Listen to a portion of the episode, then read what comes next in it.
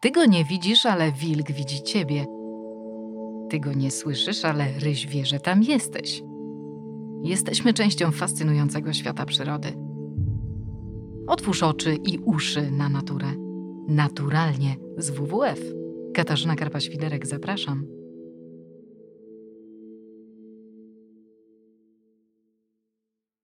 Po raz drugi gospodynią w podcaście będzie Agnieszka Muzińska, bo trwa nasza kampania wakacyjna. Mówimy w niej o tym, jak podróżować etycznie, czyli tak, żeby nie przyczyniać się do degradacji planety, ale też pozwalać, by pieniądze zasilały faktycznie tych, którzy nas u siebie goszczą i pozwalały utrzymać dziedzictwo przyrodnicze czy kulturowe. Drugim gościem Agnieszki będzie Paweł Cywiński, który jest orientalistą, kulturoznawcą, geografem i współtwórcą projektu postturysta.pl. Zanim oddam Agnieszce i Pawłowi głos, y, mam prośbę, podzielcie się z nami swoimi doświadczeniami w tym temacie. Najlepiej już po wysłuchaniu odcinka. Zapewniam Was, że pozwoli poczuć się pewniej w temacie i zrozumieć także to, co Wam się przytrafiło podczas Waszych odbytych już wakacyjnych podróży. Dla najbardziej zaangażowanych mamy nagrody w konkursie, szczegóły na www.pl, a teraz ja już milknę i oddaję głos Agnieszce i Pawłowi. Cześć Pawle. Cześć. Jesteś współautorem projektu postturysta.pl. E, ja sobie przygotowując się do tego podcastu, przeczytałam sobie troszeczkę o Was i bardzo mnie zaintrygował taki fragment, e, w którym opisujecie ten projekt, a brzmi on tak. Powstaliśmy, by skomplikować ludziom myślenie o wakacjach, by tłumacząc przeróżne mechanizmy rządzące turystyką, wyposażyć turystów w świadomość globalnych współzależności, przyczyn i konsekwencji turystycznych zachowań oraz samoświadomość podlegania procesom psychologicznym, komercyjnym i ideologicznym – Przede wszystkim chodzi jednakże nam o odległy świat i jego mieszkańców. Wyszliśmy z założenia, że tylko świadomy turysta może podróżować prawdziwie, odpowiedzialnie i etycznie. Dlatego dla postturysty mieszkańcy odwiedzanych miejsc powinni być partnerami, podmiotami spotkania, niewakacyjną obsługą lub krajobrazem. Mnie tak naprawdę, muszę przyznać, bardzo nurtuje ten fragment o tym, że powstaliście po to, by skomplikować ludziom myślenie o wakacjach, bo wakacje kojarzą się nam z czymś przyjemnym i trochę z takim niemyśleniem i odpoczynkiem od myślenia. Więc gdybyś mógł nam przybliżyć e, trochę bardziej ten projekt i powód jego powstania. Powiedziałaś, że ludziom wakacje kojarzą się z czymś przyjemnym i jadą po to, żeby było przyjemnie i rzeczywiście tak jest. Natomiast e, ważne jest to, żeby podczas tych wakacji przyjemnie było nie tylko turystom, ale również tym osobom, których się odwiedza, e, tym, którzy organizują to, to, te odwiedziny, jak i na przykład y, przyrodzie, faunie, florze. Tak? W momencie, w którym całość tego, co, tego, co nazywamy wakacjami, mm, jest, y, jest przyjemne dla wszystkich E, aktorów tego, tego spotkania, wszystkich, e, którzy w tym biorą udział, no to wtedy rzeczywiście mam do czynienia z czymś, z czymś, co jest dobre. Po prostu tak, mówiąc takim zwykłym językiem, dobre. Natomiast bardzo rzadko tak jest. Turystyka jest prawdziwym gigantem z punktu widzenia różnych procesów na świecie. Odpowiada za 10% globalnego produktu brutto, odpowiada za co dziesiąte miejsce pracy na świecie. Jest e, jednym z najczęstszych powodów podróżowania po świecie. W związku z tym ma gigantyczny wpływ na ten świat. No i zauważyliśmy, że mm, ten wpływ e, czasami jest dobry, czasami jest zły. I żeby zrozumieć tak naprawdę, jaki my, pojedynczy turyści, jadąc w świat, mamy wpływ, no to musimy najpierw poznać te dobre i złe strony, czyli musimy e, de facto skomplikować sobie myślenie, bo zazwyczaj o tym w ogóle nie myślimy. I to był taki jeden z głównych celów powstania posturysty czyli, e, czyli tego projektu, w którym zarówno na warsztatach, jak i na stronie postturysta.pl tłumaczymy różnego rodzaju mechanizmy związane z turystyką, po to, żebyśmy wiedzieli, że turystyka ma swoje dobre i złe strony. W związku z tym my, jako podróżując, jako turyści, przyczyniamy się do zarówno tych dobrych, jak i złych. A jeżeli będziemy umieli je rozpoznać, to być może będziemy umieli zminimalizować te nasze, nasz wpływ, zły wpływ na złe strony, a skupić się na tym wpływie, który sprawia, że świat jest lepszy. To powiedz mi w takim razie, jak z takiego zwykłego turysty, którym się przeważnie jest, stać się właśnie tym postturystą, czyli właśnie jak zacząć podróżować etycznie? No więc po pierwsze należy w ogóle się zorientować, że jest problem. Jeżeli zobaczymy, że coś jest nie tak, coś jest nie halo, że mimo na przykład, że zostawiłem kupę kasy za pobyt w jakimś tam miejscu, to ci ludzie dookoła wcale nie stali się bogaci, te pieniądze gdzie indziej zostały, trafiły do innej osoby, trafiły do jakiejś innej instytucji, często w ogóle wypłynęły z tego kraju, no to tak naprawdę wraz z tą świadomością jesteśmy w stanie e, zadawać sobie następne pytania. Co się dzieje? E, jak mogę sprawić, żeby to jednak te pieniądze trafiły do osoby, której, które mieszkają w tym miejscu, które ja odwiedzam. No więc jak stać się świadomym czy takim etycznym turystą, to po pierwsze być detektywem na wakacjach, zastanawiać się tak naprawdę, co się dzieje dookoła, umieć obserwować ten świat, tak jak e, my byśmy chcieli, żeby obserwowali turyści, którzy przyjeżdżają do nas, którzy chcielibyśmy, żeby oni się liczyli z naszym zdaniem, z naszymi problemami, z naszą kulturą. Natomiast, żeby zaobserwować tą kulturę czy te problemy, no to trzeba rzeczywiście być bacznym obserwatorem. W związku z tym pierwszy krok, pierwszy krok to jest bycie bacznym obserwatorem. Drugi krok kiedy już się zorientujemy, że są jakieś problemy, to trzeba zdobyć trochę wiedzy, trzeba się zorientować, co to są za problemy, na czym one polegają, jakie są ich konsekwencje. No i trzecia opcja, e, trzeci krok to jest, kiedy już widzimy, że są problemy i rozumiemy, na czym one polegają, podjęcie odpowiedniej decyzji, czyli co ja jako Jan Kowalski, czy jako Janka Kowalska, którzy jedziemy na wakacje, możemy e, z czym zrobić. Czy to jest coś, na co ja mam wpływ, czy nie mam wpływu? A jeżeli mam wpływ, to jak powinienem się zachować w danej sytuacji? Ja Ci zadam jeszcze takie pytanie z punktu widzenia zupełnego laika, bo szukanie problemu i bycie detektywem brzmi jak fascynująca dodatkowa przygoda do naszych wakacji, ale czy gdybyś, czy mógłbyś nam przybliżyć na przykład jakieś problemy? Czy mógłbyś wymienić takie problemy, na które warto zwrócić uwagę, albo kilka przykładów takich problemów? E, od czego zacząć swoje pierwsze, drugie, trzecie śledztwo na wakacjach? No, można na przykład zacząć od łazienki i zorientować się tym, ile wody jest zużywane, czy w tym miejscu, w którym jesteśmy, są jakieś baseny, są jakieś wielkie mm, fontanny, czy inne miejsca, które zużywają bardzo dużo wody. E, czy ogrody są podlewane cały czas, czy, czy może gdzieś w okolicy na przykład jakieś pole golfowe, dlatego że bardzo często miejsca turystyczne są niesłychanie, że tak powiem, potrzebują bardzo dużo wody. I e, jeżeli zobaczymy, że my żyjemy w pięknej zielonej oazie, a dookoła jest pustynia, dookoła są ludzie, którzy muszą przez to coraz głębiej kopać swoje studnie, żeby mieć dostęp do tych wód gruntowych, z których e, również korzysta hotel. Jeżeli zobaczymy, jak jak, e, jaka jest różnica między tym, tą zielenią pola golfowego, a pustynią dookoła. Na przykład świetnie to widać w okolicach Egiptu, w okolicach e, piramid w Gizie, gdzie jest duże pole golfowe, no to wtedy możemy zacząć się zastanawiać tak naprawdę, e, jak to jest, że ja mam tą wodę, a inni nie mają. Jeżeli ta woda jest wspólna de facto, tak, w tym, na, na tej przestrzeni, na której ja akurat mieszkam, no to coś jest nie tak. Jeżeli moim kosztem tam ci ludzie nie mają wody, bo ich nie stać na przykład na pogłębienie na własny koszt studni.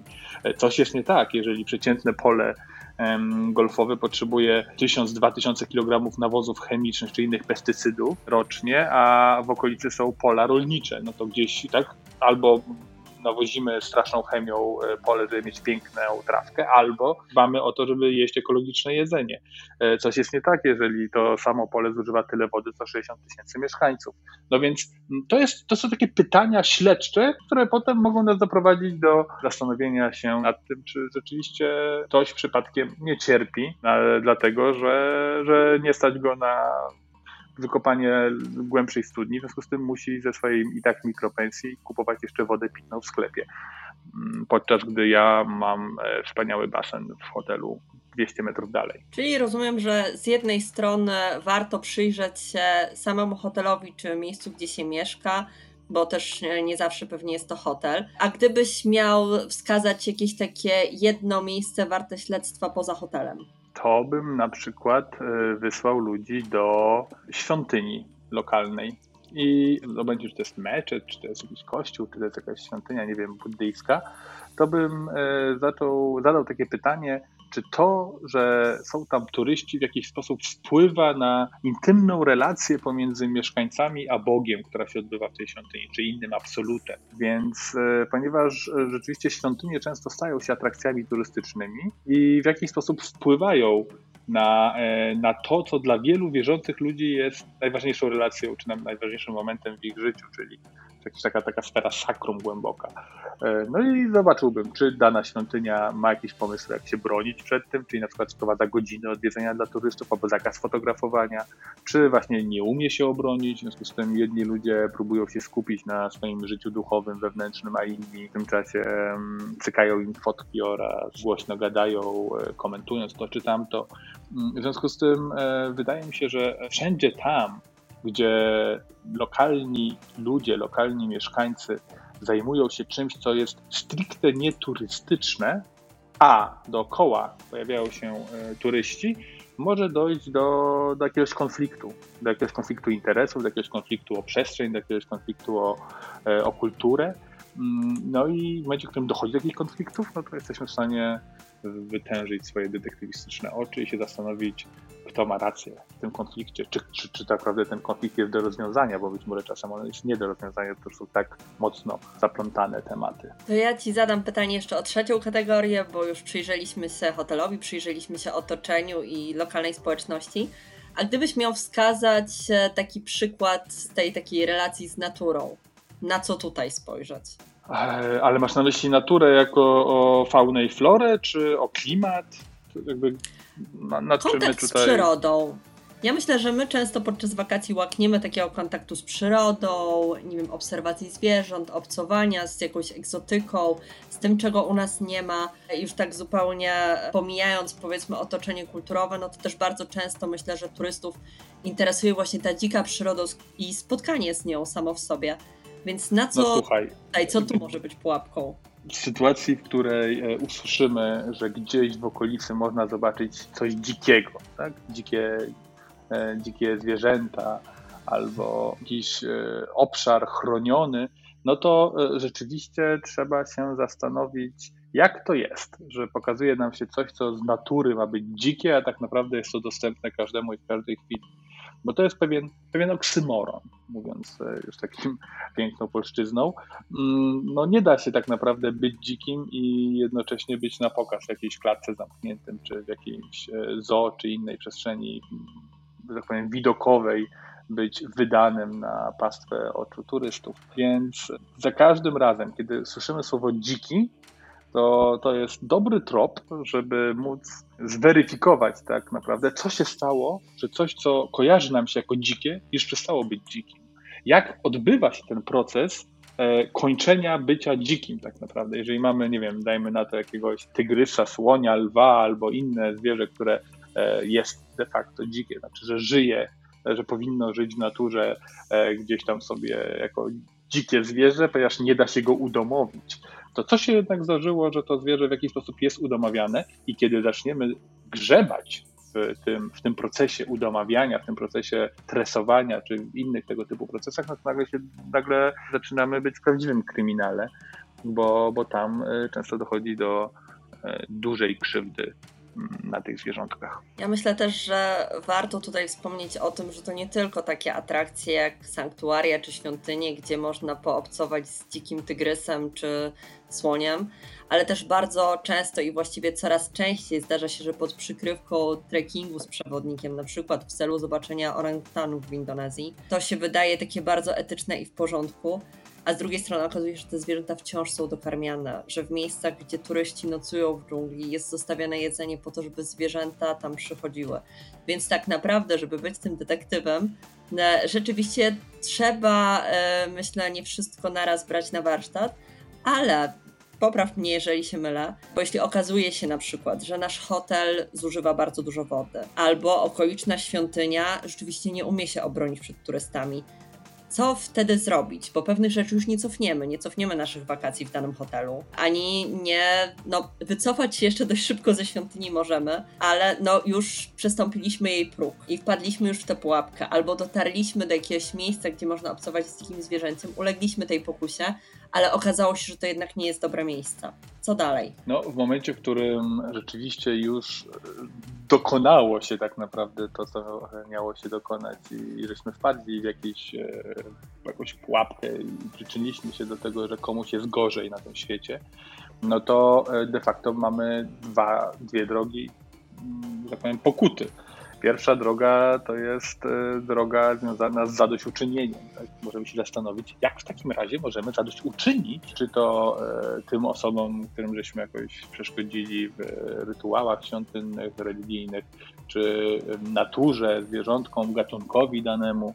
Mm, czyli z jednej strony możemy się zastanowić, czy możemy na przykład wpłacić na coś albo w jakiś inny sposób powodować, że na przyszłość e, będzie łatwiej czy to tej świątyni się obronić, czy to e, ludziom odpowiedzialnym za ratowanie takich czy innych zwierzątek pracować i będą mogli na, na, na większą skalę to robić. A drugim sposobem jest oczywiście e, wykorzystanie swojego własnego doświadczenia jako świadectwo, czyli po wyjściu z takich miejsc, po powrocie z takich wakacji, nie bać się przyznać ludziom dookoła, nie bać się mówić, pisać o tym na Facebooku czy na Twitterze, że tak to wygląda, że niestety um, bardzo łatwo jest być zaciągniętym do jakiegoś sanktuarium ze zwierzętami albo w inne miejsce, ale że jak już tam byliśmy, no to wiemy, że to tak naprawdę jest y, dla tych zwierząt często ciężkie i traumatyczne przeżycie. W związku z tym świadczyć swoim świadectwem, przyznawać się publicznie do błędu, ponieważ w ten sposób e, być może inni ludzie nie pomyślą nawet, żeby tam pójść, tylko od początku będą to kontestować. Myślę, że to jest e, świetny pomysł i trochę tego brakuje, bo gdzieś w pogoni za takim idealnym obrazem swoich wakacji często przymykamy oko i nie mówimy o tym, że coś było nie tak, więc tym bardziej rzeczywiście warto. No ale tak, mówimy o tym komplikowaniu wakacji, e, o tym utrudnianiu ich sobie trochę. Czy nie mogą się tym za nas zająć jakieś organizacje? Mówimy o sprawiedliwym handlu i czy nie mogłaby być taka sprawiedliwa turystyka? A może już coś takiego gdzieś istnieje, tylko jeszcze nie jest popularne? Ja myślę, że mogą i się zajmują tak naprawdę, ale nie za nas. W sensie tutaj nie ma czegoś takiego, że jest jakaś jedna wielka siła, która uratuje świat. To nie jest ta bajka tak naprawdę tutaj e, jest potrzebne bardzo wiele różnych sił. Z jednej strony potrzebne jest państwo i jego regulacje prawne, państwo, które potrafi zrozumieć, gdzie jest problem, potrafi tak zarządzić różnymi kwestiami, żeby ten problem jak najbardziej zminimalizować albo go totalnie rozwiązać. Potrzebne są organizacje pozarządowe, które e, umieją często wiele lepiej ten problem zrozumieć i na niego szybciej oraz bardziej nieformalnie jakoś zareagować. Potrzebni są e, mieszkańcy i ludzie, którzy żyją w okolicy tych różnego rodzaju atrakcji turystycznych, którzy mają w sobie na tyle siły i na tyle sprawczości, żeby potrafili dobrze zawalczyć o, o swoje miejsce tak naprawdę, nie dawać się zdominować światu turystów. No i potrzebni na końcu są turyści, czyli my, którzy będziemy wyedukowani, czyli tacy, którzy właśnie będą umieli zobaczyć, najpierw dostrzec te problemy, a potem zastanowić się i sobie doszukać informacji, jak te problemy ewentualnie móc rozwiązać. Czy ta edukacja będzie nieformalna, tak jak na przykład poprzez takie podcasty, jakie teraz słuchamy, czy jakieś szkolenia, które organizuje Posturysta, czy uda się na przykład wprowadzić do szkół polskich, ale też i w innych krajach edukację na temat czasu wolnego, e, na temat wakacji, czy te tematy będą poruszane, żeby całe pokolenia systemowo w jakiś sposób uczyć o konsekwencjach swoich własnych wyjazdów wakacyjnych. To jest oczywiście wtórna rzecz. Natomiast uważam, że e, tutaj trzeba iść bardzo wieloma ścieżkami, bardzo wieloma e, rozwiązaniami. Oczywiście nie powiedziałem o połowie z tych rozwiązań, jeszcze biznes jest powinien być odpowiedzialny, E, i to byłoby wspaniałe, gdyby, że tak powiem, twórcy biznesu e, z jednej strony rozumieli, że oni również są odpowiedzialni za ten świat, a z drugiej strony wiedzieli, że turyści oczekują od nich tej odpowiedzialności i są w stanie za nią więcej zapłacić. To wszystko są mechanizmy, które sprawiają, że w różnych miejscach rozwija się już zrównoważona turystyka, czy, czy ekoturystyka tak naprawdę, czyli takie rodzaje podróżowania, które dbają o to, żeby wszyscy wygrali na wakacjach, tak? Czyli wygrali mieszkańcy, wygrali turyści, wygrał biznes, wygrała planeta. No to brzmi bardzo pięknie i pewnie wszyscy chcielibyśmy żyć w takim świecie, tylko pewnie troszkę nie wiadomo e, od czego zacząć i kto w ogóle powinien zacząć. Ale to zawsze najłatwiej chyba jednak zacząć od siebie. Ja bym Cię zapytała, bo myślę, że wielu z naszych słuchaczy będzie sobie to pytanie zadawało. Czy może masz jakąś taką radę albo taką czarną listę miejsc, do których na pewno nie warto zaglądać? No na pewno nie warto zaglądać do miejsc, gdzie wiemy, że pieniądze, które tam wydamy, trafią do tego, żeby jeszcze bardziej ciemiężyć mieszkańców.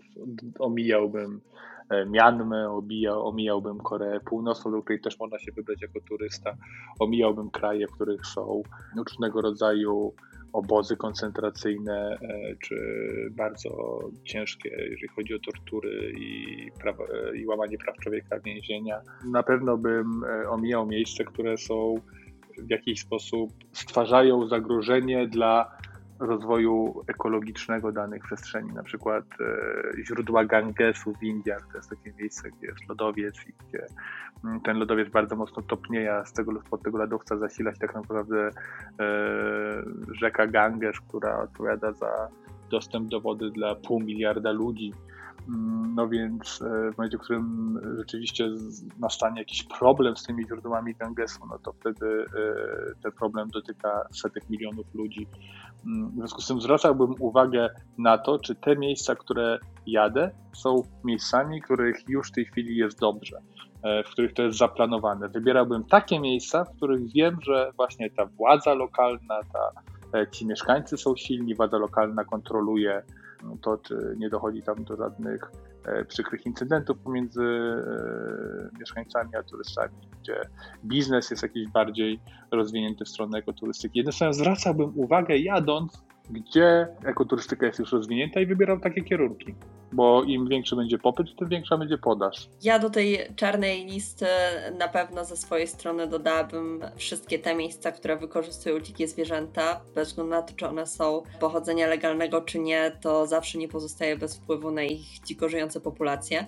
W poprzednim podcaście z Agnieszką rozmawialiśmy też o świątyni tygrysów w Tajlandii, która została już zamknięta ale też przez długi czas była ogromnie y, popularną atrakcją turystyczną. Ale teraz powiedz mi może, Paweł, jaki jest tego wszystkiego powód? Dlaczego my się w ogóle powinniśmy czuć y, odpowiedzialni za turystykę, za te nasze wakacje, za nasze wybory w czasie wakacji? To jest bardzo trudne pytanie, bo ono dotyka fundamentów tego, co to znaczy być człowiekiem.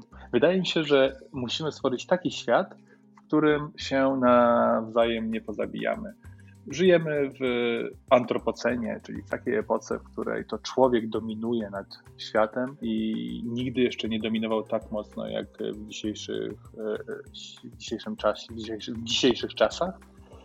W związku z tym, kiedy mamy planetę, e, którą gdybyśmy chcieli wszyscy tak samo żyć, e, na takim samym poziomie, to musielibyśmy pomnożyć razy 7, mieć 7 takich planet, żeby się e, w jakiś sposób nie, nie, nie, nie pozabijać, żeby to nie była dżungla, w której wygrywały tylko najsilniejsi, najbogatsi, najszybsi, to, e, to musimy wsłuchać się głęboko w chyba wszystkie systemy etyczne najważniejszych religii, najważniejszych kultur i zastanowić się, co to znaczy robić dobro, w jaki sposób dbać o drugiego człowieka, w jaki sposób dbać o równouprawnienie, o równość i w praktyce zacząć ją realizować również na wakacjach, chociaż wiem, że wakacje z natury są czymś, od, kiedy chcemy się właśnie odciąć od tych wszystkich problemów, ale nie możemy. Jeżeli się odetniemy, to, to przegramy. No tak, to, to też rzeczywiście trudne. No powiedziałeś, że to trudne pytanie, a ja ci jeszcze bardziej utrudnię, bo zapytam cię o taki przykład, y, no bo ta idealna, etyczna turystyka, ona jest dobra i dla ludzi, i dla przyrody. A powiedz, co w takiej sytuacji, kiedy na przykład taka atrakcja związana z jazdą na słoniu jest źródłem utrzymania kilku rodzin? Jak to ocenić? Co jest lepsze? Co wybrać? Oczywiście trzeba sobie zważyć w serduszku, co wybrać, czy y, krzywdę słoni, które, no nie chcę Państwo wiedzieć, to znaczy łamanie słonia. To, to są naprawdę tortury y, straszne tego zwierzęcia. Czy mm, dochód tych rodzin? No ja, ja osobiście uważam, że trzeba że, że te osoby powinny zmienić, e, brzydko mówiąc, pracę. Znaczy, dorabianie się na krzywdzie jest czymś bardzo, bardzo źle przeze mnie ocenianym, nawet jeżeli to jest krzywda zwierząt. Jeżeli rzadka jest taka sytuacja, żeby nie można było jakikolwiek innego zawodu znaleźć, jakiejkolwiek innej pracy znaleźć, zwłaszcza jeżeli jest to region często odwiedzany przez turystów.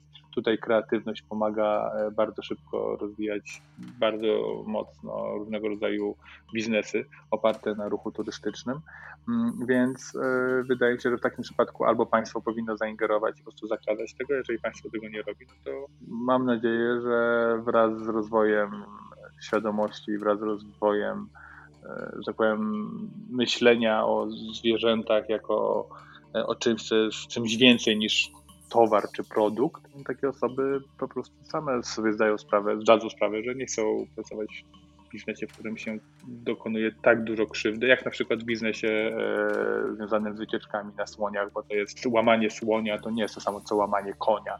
To, jest, e, to są miesiące tortur, od małego niemalże słoniątka do, do końca jego okresu dorastania. Warto też wspomnieć o tym, że niestety, ale chociaż wydaje się, że słonie są olbrzymami, które mogłyby kilku ludzi bez problemu udźwignąć, to ich kręgosłupy też e, do tego dźwigania nie są przystosowane, bo w naturze po prostu słonie naturalnie nie, nie dźwigają żadnych ciężarów. Ja myślę też, że to, o czym powiedziałeś, właśnie zmiana pracy, w przypadku braku popytu na te wycieczki, jeżeli my, turyści, nie będziemy chcieli na tych słoniach jeździć, no to po prostu taka, takie miejscowe rodziny znajdą jednak prawdopodobnie zatrudnienie w w jakiejś innej branży, też e, prawdopodobnie być może związanej właśnie z turystyką, jeśli miejsce jest e, rzeczywiście bardzo turystyczne. A z punktu widzenia właśnie też e, może Polaków, bo ja tu mam wrażenie, że Polacy tak się dzielą troszeczkę pół na pół. Połowa z nas chętnie pojedzie na all inclusive, gdzie wszystko ma zapewnione i o, niczym się nie, o nic się nie musi martwić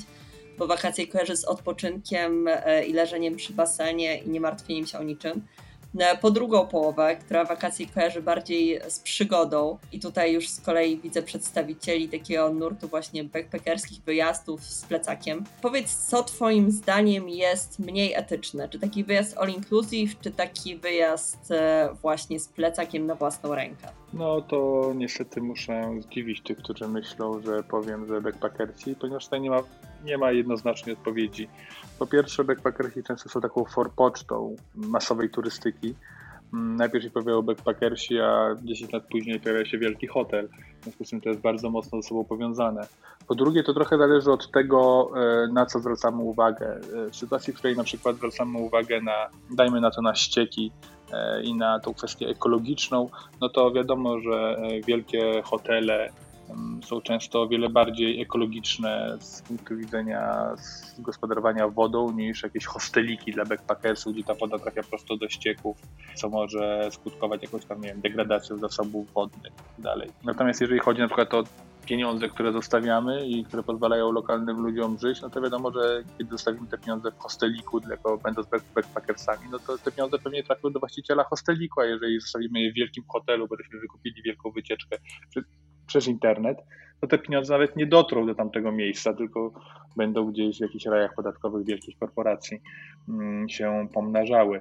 Więc tutaj nie ma prostej odpowiedzi i wszyscy, którzy uważają, że takie podróżowanie tanie e, z plecakiem jest e, podróżowaniem jakoś dużo lepszym i dużo bardziej etycznym od zorganizowanego e, podróżowania, wydaje mi się, że że nie mają racji, że to wszystko zależy od tego, na co zwracamy uwagę i obydwa te typy podróży są zarówno mają swoje dobre konsekwencje, jak i złe konsekwencje mm, i trzeba tutaj umieć rozeznać się w tych dobrych i złych. Nie ma podróżowania cudownego i podróżowania złego. Gdyby to było tak proste, no to wtedy umielibyśmy zakazać tego złego i skupić się tylko na dobrym. Niestety świat jest bardziej skomplikowany.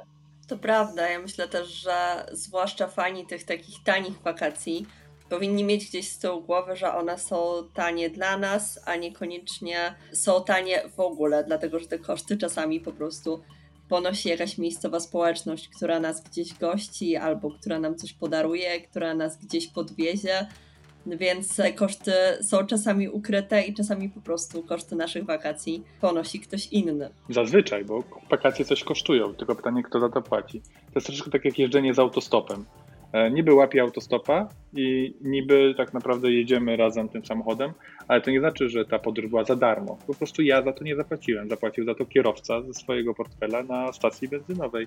Więc pytanie jest, kto płaci i czy w związku z tym e, ten, co płaci, czy to jest sprawiedliwe, że ten, co płaci, powinien za to płacić. Ale w przypadku latania tanimi liniami lotniczymi, e, w przypadku mm, nierozumienia pewnych kodów kulturowych dotyczących gościnności, E, czy w przypadku wykorzystywania różnego rodzaju zasobów naturalnych, których nie powinniśmy do końca wykorzystywać, to już nie jest takie oczywiste jak przed autostopa. Jak najbardziej, tak samo jak e, z tą gościnnością, gdzie są kraje, w których po prostu kultura nakazuje przyjąć gościa, który pojawi się na drodze, ale już to nie znaczy, że możemy u tego, e, te, tego gospodarza posiedzieć dzień, dwa, trzy albo tydzień. Okazało się, że jest super miło i czujemy, że jesteśmy częścią rodziny, bo to zwykle niestety aż tak nie działa. I tak jak mówiłeś, warto zwracać uwagę na te kody kulturowe. Co jest zresztą samo w sobie też e, bardzo interesującą częścią przygotowania się do takiej podróży.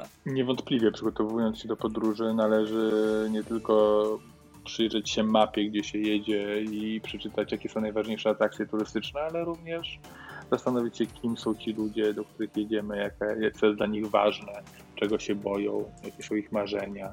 E, dzięki temu jest większa szansa, że dostrzeżemy w nich e, ludzi, bo bardzo często ludzie, których odwiedzamy, stają się w takich oczach turystów wyłącznie jakimś krajobrazem, ciekawym widokiem, który można sfotografować. Są w jakiś sposób gdzieś tam podświadomie przez nas nie traktowani do końca jako ludzie, a jako właśnie jakiś taki tacy tubylcy, którzy są enturażem naszego, naszych wakacji. No więc e, im lepiej ich poznamy, tym jest większa szansa, że będziemy ich bardziej partnersko traktować. Na przykład nie strzelimy im zdjęcia prosto w twarz, bez pytania, tylko razem pójdziemy się napić wody i będziemy mieli miły, miłe wspomnienia z pogawędki z nimi.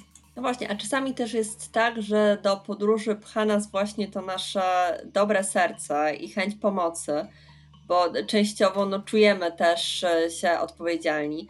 I to aż na tyle czasami, żeby skorzystać z ofert wyjazdu gdzieś na wolontariat, czy to do jakiegoś sierocińca, czy do jakiejś wioski, na przykład w celu budowania szkoły, czy też właśnie do jakiegoś miejsca, w którym możemy pomagać, opiekować się na przykład dzikimi zwierzętami. To już ma nawet e, swoje pojęcie i nazywa się tak zwaną wolonturystyką, czyli taką turystyką e, w celach wolontaryjnych. No i tutaj pojawia się pytanie, czy to jest bardziej rzeczywiście taka pomoc na miejscu, czy to jest jednak kolejna atrakcja pod turystów? Ale w momencie, w którym e, tym pośrednikiem staje się klasyczny jakiś biznesmen, jakiś biznes, no to wiadomo, że jego celem jest podwajanie swoich zysków. W związku z tym Mm, w taki sposób zazwyczaj jest to organizowane, żeby klient był jak najbardziej zadowolony. I ważniejsze jest zadowolenie klienta niż zadowolenie na przykład pomaganemu, czyli tej społeczności, której się pomaga, czyli temu problemowi, który się próbuje rozwiązać. No i niejednokrotnie dochodzi do takich sytuacji, jak na przykład w Laosie, gdzie okazało, czy w Kambodży, gdzie okazało się, że mm, pomoc w domach dziecka skutkowała częstszym oddawaniem dzieci do domów dziecka, ponieważ lokalni mieszkańcy, jak usłyszeli, że przyjeżdżają e, mieszkańcy Zachodu, z Wielkiej Brytanii czy ze Stanów pomagać, to uznawali, że e, te dzieci będą miały lepszą edukację w domu dziecka niż w mm, jakimś tam innym, e, w innej szkole, więc oddawali te dzieci częściej. Albo, e, że specjalnie dane miejsca, w których turyści mają pomagać zwierzętom, ściągają jak najwięcej takich zwierząt, czyli de facto E, zamiast je oddawać z powrotem naturze, bo to są takie programy, które polegają na właśnie zwracaniu naturze zwierząt, e, przytrzymują jak najdłużej te zwierzęta po to właśnie, żeby turyści mogli przyjeżdżać i razem z turystami mogły przybywać pieniądze. Więc um, takiego rodzaju patologie akurat w tym biznesie wolonturystycznym są bardzo częste. Jeżeli ktoś chciałby pomagać, to raczej bym polecał zgłoszenie się bezpośrednie do takiej czy innej organizacji pozarządowej, która pomaga, a nie szukanie pośredników biznesowych. Myślę, że w przypadku takiego udzielania też pomocy ludziom na miejscu to jest bardzo istotne, żeby jakoś zmapować ich potrzeby, ale też e, wydaje mi się, że jednak trzeba temu poświęcić czas, że to jest że wakacje to jest w ogóle, e, czy, czy urlop to jest w ogóle za krótki czas, żeby na taki wolontariat pojechać. E, bo po prostu też, no, nie oszukujmy się, jeżeli chcemy jechać i pomagać dzieciom, które się przywiązują, to pojechanie tam na dwa tygodnie i wyjechanie no myślę, że niekoniecznie tą rzeczywiście taką oczekiwaną pomocą jest. Bo pomaganie ogólnie jest jedną z najtrudniejszych rzeczy, jaką można robić, e, żeby to było skuteczne i dobre.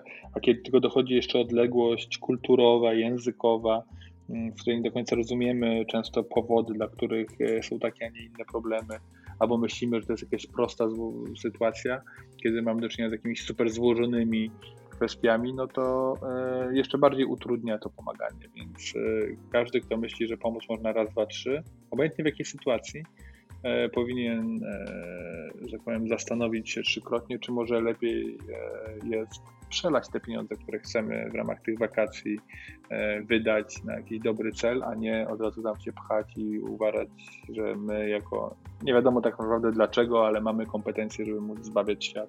To ja mam dla Ciebie jeszcze ostatnie pytanie która nie ukrywam, też łatwym nie będzie. Ja chciałam Cię zapytać o taki odwieczny konflikt. Turysta czy podróżnik? Czy Twoim zdaniem jest różnica? Czy jest sens te pojęcia rozdzielać? I czy w dzisiejszym świecie w ogóle możemy mówić o tym, że jest rozgraniczenie między turystą i podróżnikiem? Jeżeli, nie zdziwię się, jeżeli zacznę odpowiedź od stwierdzenia to zależy. W zasadzie, jeżeli uznamy, że na jakiejś osi jeśli na jednym końcu są turyści, a na drugim są podróżnicy, no to musimy się zastanowić, czym się różni turysta od podróżnika. No i najprościej jest chyba tutaj sięgnąć po takie czysto ekonomiczne argumenty. No, podróżnik to jest ktoś, kto podróżuje nie korzystając z turystycznych usług. Czyli nie korzysta z turystycznych hoteli, nie korzysta z turystycznego transportu, z turystycznej odzieży, wizy i tak dalej.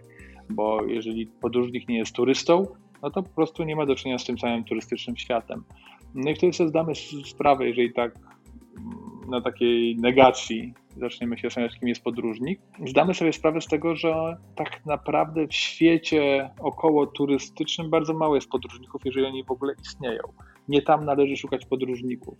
Nie w odkrywaniu, zdobywaniu i w innych takich czynnościach, które nam się kojarzą raczej z XIX-wiecznym kolonialnym światem, a raczej być może ci ludzie, którzy przemieszczają się, którzy zmieniają swoje miejsce zamieszkania, a zarazem unikają tego świata turystycznego, to są na przykład uchodźcy.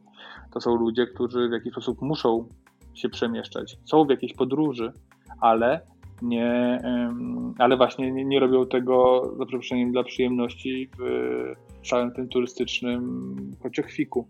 Więc ja bym powiedział, że podróżników w zasadzie nie ma, jeżeli są, to nie tam, gdzie się u, uważa, że oni są. Chociaż zdaję sobie sprawę, że wiele różnych osób woli o sobie myśleć jako o podróżnikach, a nie jako o turystach, ponieważ wydaje mi się, że są tacy wyjątkowi i unikalni, ponieważ wybrali się na czteromiesięczną wyprawę po takich czy innych e, lasach, pustyniach, albo dlatego, że e, na rowerze przejechali pół Afryki. No, to jest rzeczywiście duży wyczyn przejechać na rowerze pół Afryki, czy przez 4 miesiące chodzić po jakichś, nie wiem, mongolskich stepach.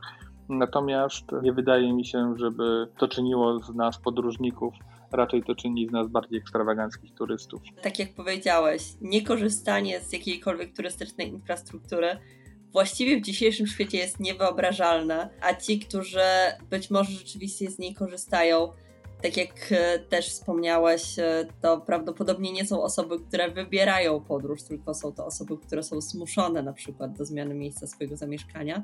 Więc to jest to, myślę, z czym e, zostawimy dzisiaj naszych słuchaczy. Że nie ma tak naprawdę znaczenia, czy czujemy się bardziej turystą, czy podróżnikiem. Znaczenie ma to, że nasze podróże zostawiają ślad i ten ślad może być mały może być dobrym wspomnieniem zarówno dla nas, jak i dla otoczenia, w którym w czasie naszego urlopu czy wakacji przebywaliśmy, ale też ten ślad może być bardzo krzywdzący. Ten ślad może się też przyczyniać do degradacji środowiska, do stanu, sposobu życia czy, czy sytuacji lokalnych społeczności. Więc to, z czym e, chcielibyśmy chyba zostawić naszych słuchaczy po całym tym, e, po, po tej serii dwóch podcastów, to to, że rzeczywiście być może etyczne podróżowanie nie jest łatwe, ale jest warte tego, żeby próbować. Dlatego, że każda najmniejsza zmiana to jest duża zmiana gdzieś indziej. Dla nas pozornie niewielka zmiana, bo zmiana na przykład hotelu może być bardzo dużą zmianą dla lokalnej społeczności gdzieś na drugim końcu świata. Pawle, bardzo Ci dziękuję za tę rozmowę. Ja również dziękuję bardzo. Zapraszamy Państwa również na stronę postturysta.pl, żeby poczytać więcej na temat etycznej turystyki. Na stronie jest mnóstwo artykułów, które dotyczą zarówno i naszego kontaktu z przyrodą, jak i naszego kontaktu z lokalnymi społecznościami na wakacjach. Więc e, tym bardziej zachęcamy, żeby zaglądać e, i do nas, e, i do postturysty, planując swoje wakacje. Otworzyłeś oczy i uszy na naturę? Naturalnie z WWF. Więcej naszych rozmów znajdziesz w najpopularniejszych aplikacjach podcastowych. Zajrzyj też na stronę www.pl. Katarzyna Karpa-Świderek. Do usłyszenia.